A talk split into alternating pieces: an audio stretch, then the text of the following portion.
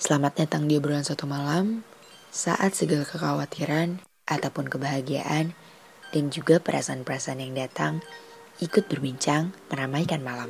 Kami hadir untuk menemani di antara sepi yang sunyi atau riuh yang tahu tuh. Bersama kami, Gandhi dan Dinda, selamat mendengarkan. Oke, halo semuanya. Selamat datang di episode pertama obrolan satu malam. Uh, sebelum kita mulai episode kali ini, izinkan kami perkenalkan diri terlebih dahulu. Nama saya Gadi Surya Buana dan ada teman saya. Dinda Cartin Hidayat. Nah, pada kesempatan kali ini kita akan membahas satu permasalahan yang mungkin ada di pikiran kita semua terkait dengan benar nggak sih kita itu sudah baik saja atau secara formalnya apakah kita benar-benar baik-baik saja. Nah untuk menjawab pertanyaan itu mungkin kita sedikit tanya kabar ya. Uh, untuk Karida, kabarnya hari ini gimana Karida? Hai, halo Kak Gandhi. Kabar aku hari ini bisa dibilang baik-baik saja dan masih berusaha untuk jadi baik-baik saja. Kalau untuk Kak Gandhi sendiri gimana nih Kak? Nah, kalau aku juga sama, uh, karena kita juga membahas tentang apakah kita sedang baik-baik saja, dan juga tadi Kak, uh, Karida bilang sedang berusaha untuk menjadi baik-baik saja, uh, masih sama, sedang berusaha untuk menjadi baik-baik saja. Tapi ya tadi, uh, sebenarnya ada yang permasalahan membuat tidak baik-baik saja. Kalau dari Karida, kenapa Kak uh, mengatakan bahwa Karida itu uh, sedang tidak baik-baik saja, tapi mencoba untuk baik-baik saja? Ya, bisa dibilang aku udah ngalami hari-hari berat kemarin-kemarin dan masih dalam fase pemulihan untuk diri aku sendiri, mental aku sendiri dan bisa dibilang fisik aku sendiri juga. Karena aku baru aja mengalami kehilangan. Jadi I lost my best friend a couple days ago karena kecelakaan dan dia meninggal karena semua rumah sakit menolak karena rumah sakitnya udah penuh dengan pasien COVID. Jadi bisa dibilang dia meninggal gara-gara COVID cuma bukan karena penyakitnya, melainkan karena semua rumah sakit menolak karena udah penuh dengan pasien COVID. Kayak gitu kak. Ber berduka cita ya kak untuk Kak Dinda dan juga teman-teman yang ditinggalkan dan juga untuk seluruh dunia khususnya umumnya. Uh, semoga COVID ini cepat membaik dan orang-orang yang berdampak dengan COVID yang mungkin sudah meninggal ataupun uh, ataupun sudah meninggal kita semua di sini bisa diterima di sisi Tuhan yang Maha Esa dan juga untuk orang yang ditinggalkan ataupun sahabat-sahabat dan juga kerabat bisa menerima dengan keikhlasan dan ketabahan dan juga bisa melanjutkan hidupnya uh, sama-sama dan cepat pulih nantinya. Uh, kalau dari aku sendiri, amin amin banget.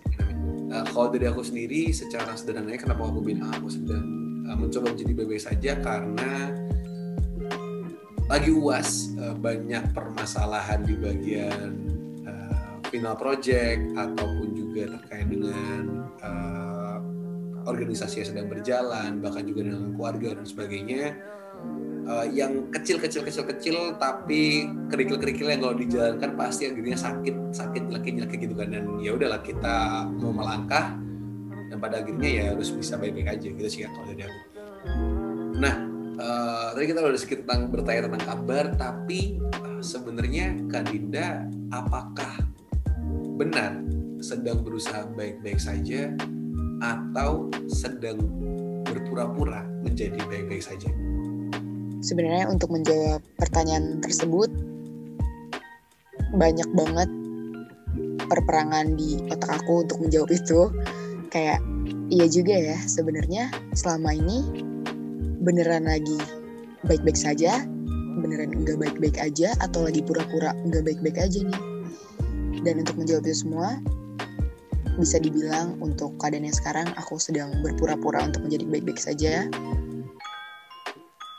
untuk keadaan aku yang sekarang dan aku harap ke depannya bakal beneran jadi baik-baik saja. Kalau untuk Kak Gandhi, apakah sekarang lagi berusaha untuk baik-baik saja atau kau sedang berpura-pura untuk menjadi baik-baik saja, Kak? Oke. Nah, ini pertanyaan yang menarik ya. Dan kenapa ini kita disebut sebagai obrolan satu malam? Karena pertanyaan ini yang pernah muncul di pikiranku ketika malam hari, eh sebenarnya aku nih uh, sedang baik-baik aja, uh, nggak baik-baik aja atau sedang berpura-pura baik-baik aja. Karena uh, dibilang baik-baik aja juga enggak, dibilang gak baik-baik aja juga iya tapi kenapa kok di depan semua orang berusaha untuk jadi baik-baik aja? Jadi sebenarnya tuh uh, aku baik-baik saja di mata semua orang atau aku baik-baik saja sedang berusaha menjadi baik saja di mata semua orang atau aku baik-baik saja di mata diriku sendiri ya? Jadi kalau untuk menjawab pertanyaan itu dari aku bakal punya dua perspektif ketika dibilang baik-baik saja di mata semua orang, eh, aku akan selalu berkata bahwa aku berusaha untuk menjadi baik saja di mata semua orang. Tapi untuk diriku sendiri aku bakal bilang bahwa aku selama ini membohongi diriku sendiri bahwa nyatanya ya aku gak baik-baik aja gitu. Uh, dan itu yang ternyata membuat aku gak paham dan gak tahu caranya gimana sih aku menyembuhkan kebaik, ketidakbaik-baikan saja karena selama ini yang terjadi di ilusi di mata aku adalah ya aku baik-baik aja kok gitu. Nah, tadi kita udah ngebahas tadi Kak Dido udah bercerita terkait dengan yang masih kebingungan antara berusaha atau berpura-pura. Kenapa sih Kak, Kak, masih berpikiran seperti itu? Apa yang membuat Kak Dinda berpikiran bahwa Kak Dinda kebingungan terkait dengan berusaha atau berpura-pura?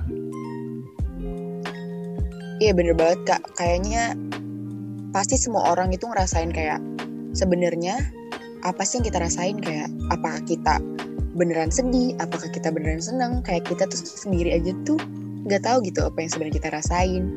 Tapi dan gimana kita buat kasih tahu ke orang lain apa yang kita rasain sedangkan kita sendiri nggak tahu apa yang kita rasain. Kayak sebenarnya kita berusaha untuk baik-baik saja ataukah kita memang baik-baik saja atau mungkin kita lagi nggak baik-baik aja.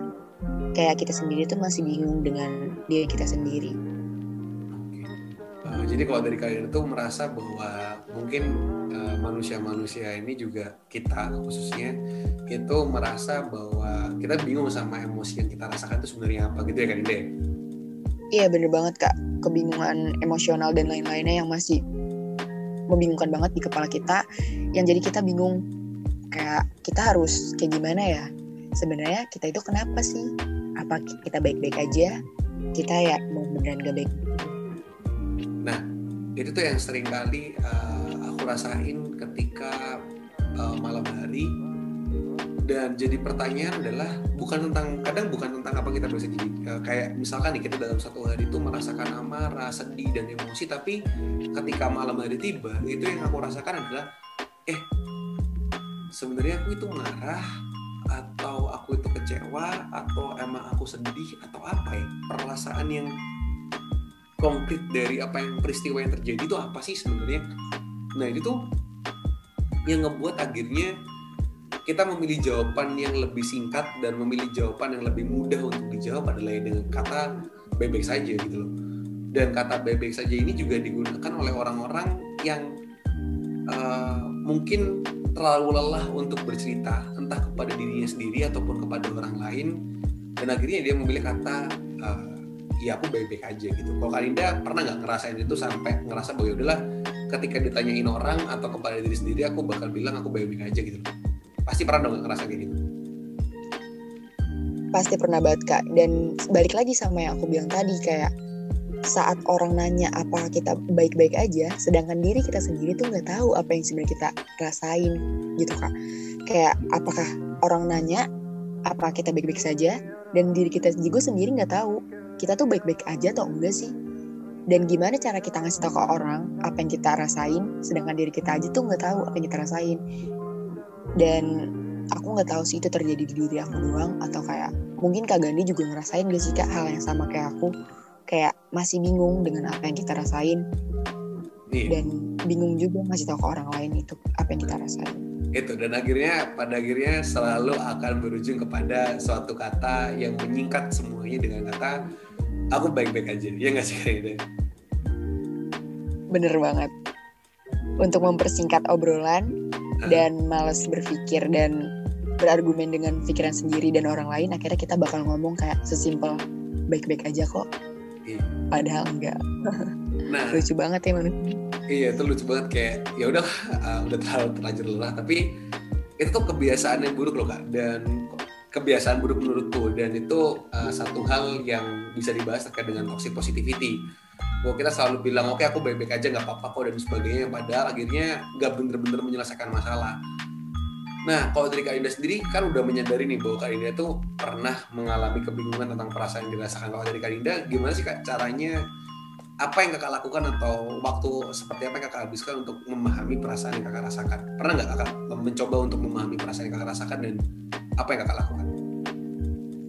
Aku selalu mencoba untuk memahami diri aku dan perasaan aku. Bahkan sampai sekarang kayak sebenarnya yang aku mau itu apa sih? Sebenarnya aku ini kenapa sih? Aku selalu bertanya-tanya di kepala aku setiap hari dengan pertanyaan yang sama seperti itu dan banyak banget hal-hal yang udah nggak udah kejawab dengan adanya self healing dengan adanya self healing itu benar-benar ngebantu aku banget untuk tahu sebenarnya aku itu kenapa untuk lebih mengenal diri aku sendiri.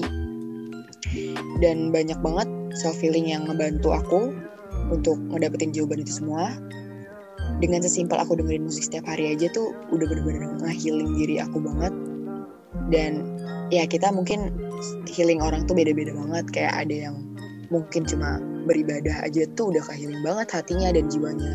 Tapi banyak juga loh orang-orang yang healingnya itu susah banget. Kayak harus ke psikiater dulu, ke psikolog dulu dan berbagai macam halnya. Dan untuk Kak Gandhi sendiri, healing terbaik versi Kak Gandhi itu apa sih Kak? Kalau boleh tahu nih Kak? Uh, kalau aku tadi kan healing dalam konteks ini kan berarti kita berusaha untuk menjawab pertanyaan terkait dengan perasaan apa sih kita rasakan.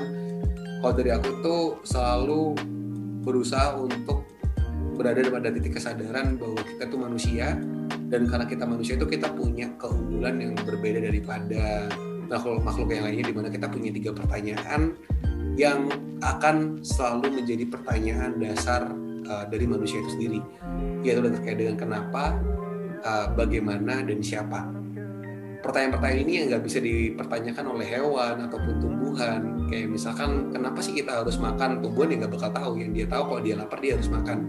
Kenapa dia harus hibernasi? Yang dia tahu kalau misalkan dia kedinginan untuk menghangatkan tubuh dia harus hibernasi. Dia nggak tahu kalau dia tuh siap dia mau jadi siapa sih? Uh, meskipun uh, monyet itu pintar tapi dia nggak paham bahwa itu harus jadi seperti apa. Dan bagaimanapun juga seperti bagaimana cuma manusia yang bisa berkata bagaimana dan pada akhirnya bisa menciptakan pisau terbang dengan pertanyaan bagaimana sih kita bisa pergi ke uh, daerah lain tanpa perlu menggunakan kereta ataupun bis seperti itu. Dan itu yang aku gunakan kesadaran setiap aku merasakan sesuatu aku bertanya tiga hal. Uh, kenapa sih uh, aku merasakan ini?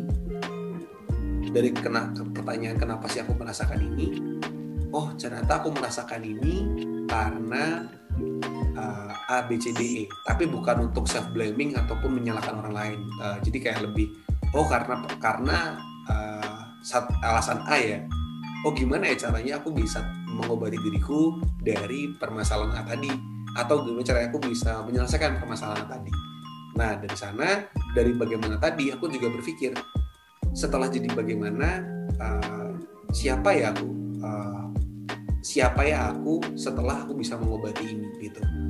Dari pertanyaan itu akhirnya salah satu cara yang paling aku bisa gunakan untuk mempertanyakan itu semua ketika aku sedang motoran sepeda motoran malam-malam ataupun ketika ke kafe uh, sendirian. Pokoknya saat-saat sendirian yang uh, bukan rebahan ya kalau rebahan tuh malah nggak bisa mikir apa-apa gitu. Jadi di saat itulah aku bisa mempertanyakan tiga hal tadi gitu. Dan akhirnya biasanya dijawab terjawab dengan hal sederhana yaitu dengan cara uh, ya udah ikhlasin aja atau oke okay, kita cari cara yang ini gitu sih.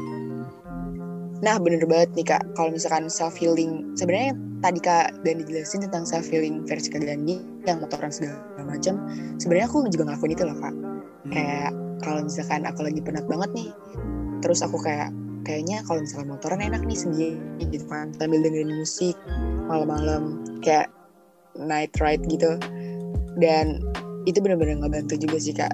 Ternyata cewek-cewek juga banyak loh yang kehiling dari motoran bukan cuma cowok-cowok. Dan aku salah satunya termasuk kak. Kayak aku suka banget motor malam-malam gitu sambil ngebut dan dengerin musik. Dan kayak ya hilang aja penatnya sambil teriak-teriak. Sebenarnya kayak rada sedikit weird sih cuman itu benar-benar helpful banget di aku. Kayak benar-benar ngebantu banget aku untuk healing tapi itu kalau menurut orang tua aku dan beberapa orang yeah. itu agak berbahaya kalau misalkan kita uh, sepeda motoran sampai dan teriak-teriak tapi Uh, memang tidak disarankan, tapi kalau misalkan memang teman-teman bisa tetap berusaha untuk tidak menghilangkan kewaspadaan, nggak apa-apa kalau teman-teman mau night ride ataupun sebagainya, tapi tetap dalam jaga batas kewajaran kecepatannya uh, dan juga tetap patuhi rambu lalu lintas, pasti tetap bakal aman kok seperti itu, tetap menggunakan helm dan sebagainya. Uh, ini kak, tapi ada pertanyaan nih dari orang-orang yang mungkin juga seperti aku dalam kondisi yang berbeda. Kayak kak ketika aku sendirian tuh malah aku nggak bisa tenang sama diriku sendiri. Dan itu yang memang dirasakan sama beberapa orang di antara kita kak. Bahwa kata orang oh ya udah kamu iya, bener. tenangan aja. Kamu dengerin lagu aja kamu beribadah aja kamu uh, uh, sendirian aja. Tapi nggak bisa untuk beberapa orang di antara kita untuk self healing dengan cara seperti itu. Dan akhirnya dia malah nggak bisa jadi orang yang baik-baik saja dan nggak bisa mempertanyakan itu semua. Karena aku pernah dalam posisi itu dan sampai dalam masih dalam posisi itu uh, yang aku lakukan biasanya ketika dikatakan bahwa ah kamu tenang aja kamu ya udah berusaha tenang aja itu aku pasti marah. Kalau aku bisa tenang ya aku bakal jadi tenang gitu. Tapi kan aku nggak tahu caranya tenang gitu. Nah kata psikiaterku dibilang bahwa ketenangan itu bukan tentang hening. Ketenangan itu tentang kesadaran bahwa kamu bisa ngobrol sama dirimu sendiri. Iya bener banget Kak Gandhi. Karena balik lagi, healingnya orang itu beda-beda. Kayak banyak orang di luar sana yang mungkin dengan mereka beribadah aja sama Tuhannya tuh udah ke healing 100% tapi ada juga loh orang di luar sana yang udah mati-matian buat nge-healing diri dia buat nge-heal diri dia. Tapi itu susah banget. Kayak kita juga nggak bisa ngejudge healing orang. Beda-beda kayak gimana sih kak? Nah kalau dari yang pernah aku tahu cara yang disarankan oleh psikiaterku dan juga dari yoga ataupun sebagainya itu sebenarnya itu caranya sederhana kok kak. Kayak tadi aku bilang uh, self healing itu sebenarnya cuma tentang bagaimana kita memahami perasaan kita kan kayak itu gampang banget kalau misalkan teman-teman masih nggak bisa terkait dengan tenang karena kalau tenang itu malah banyak overthinking. Kalau misalkan teman-teman dengerin lagu malah nggak bisa fokus. Uh, coba teman-teman uh, ambil secari kertas ataupun ambil HP-nya voice note terus ceritakan apa pun yang teman-teman mau ceritakan keluarkan semua keresahan yang mau teman-teman rasakan terus habis itu teman-teman dengerin sendiri deh.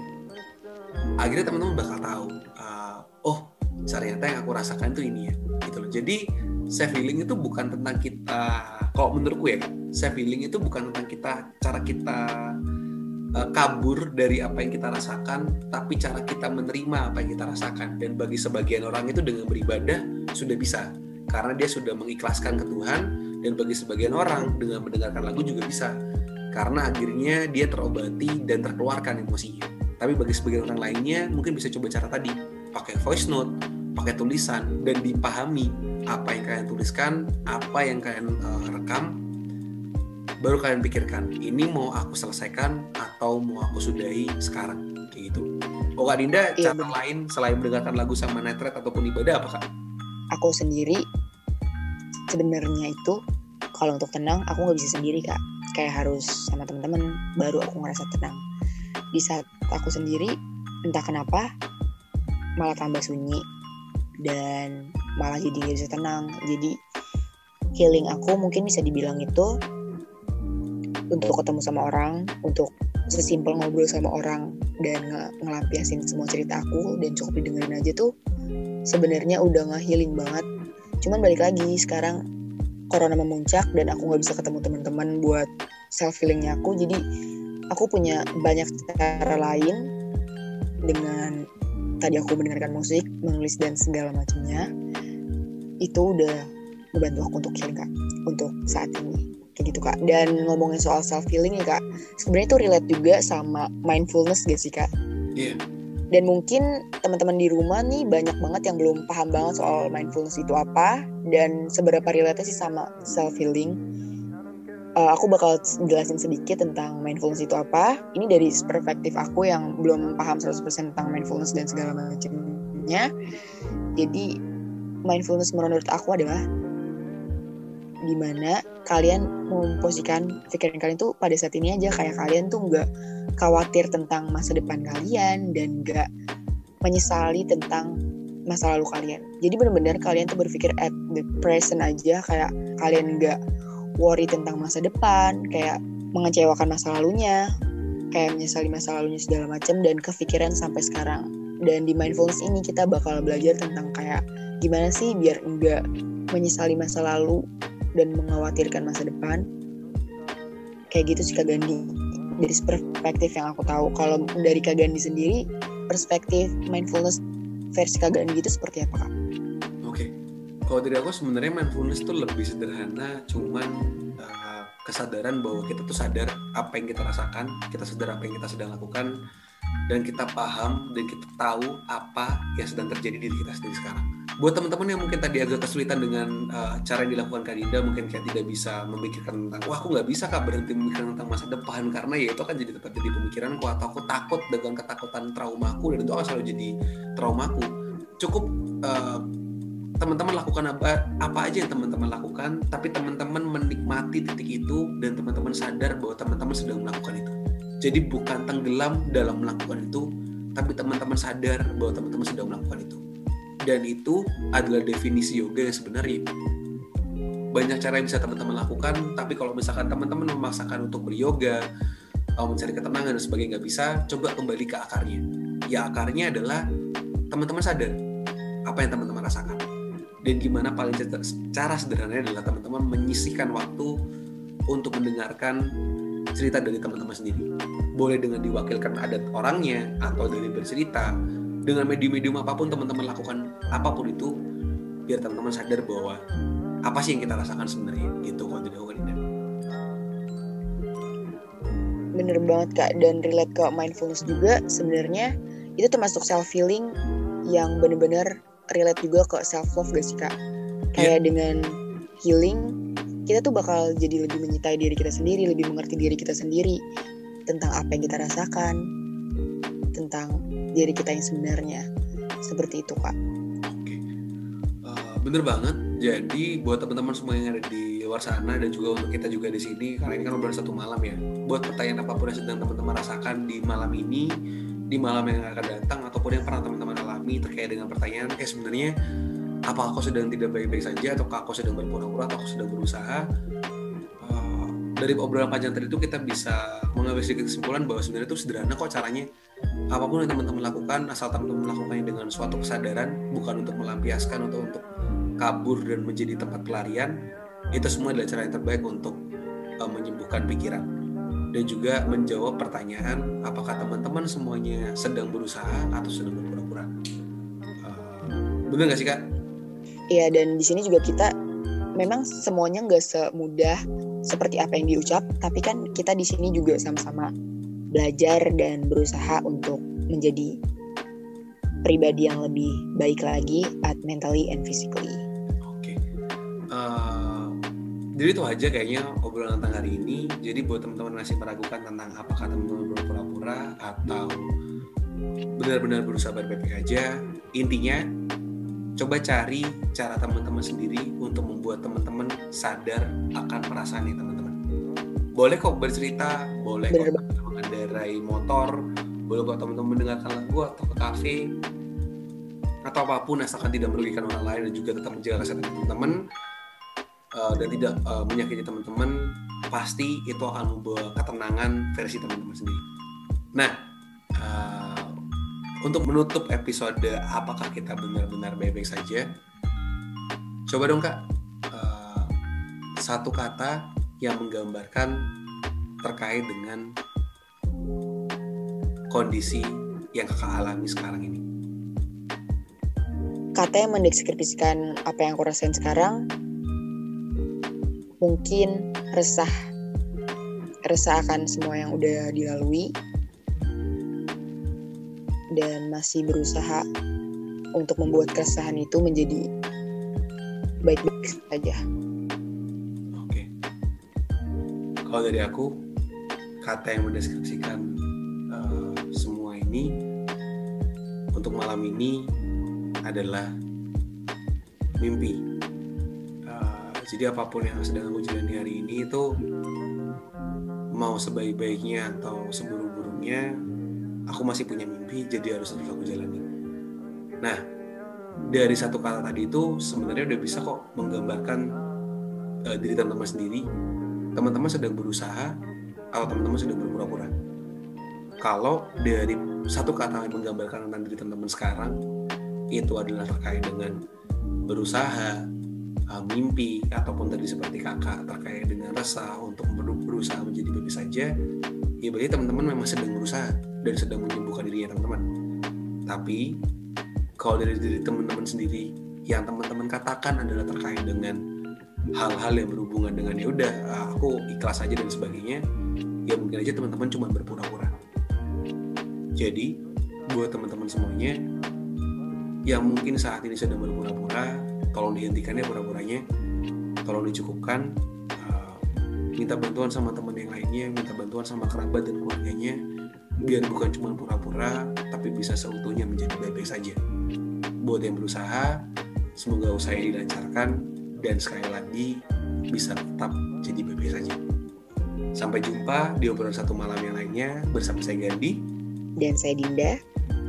Selamat malam. Semoga tidurnya nyenyak semuanya. Sampai jumpa.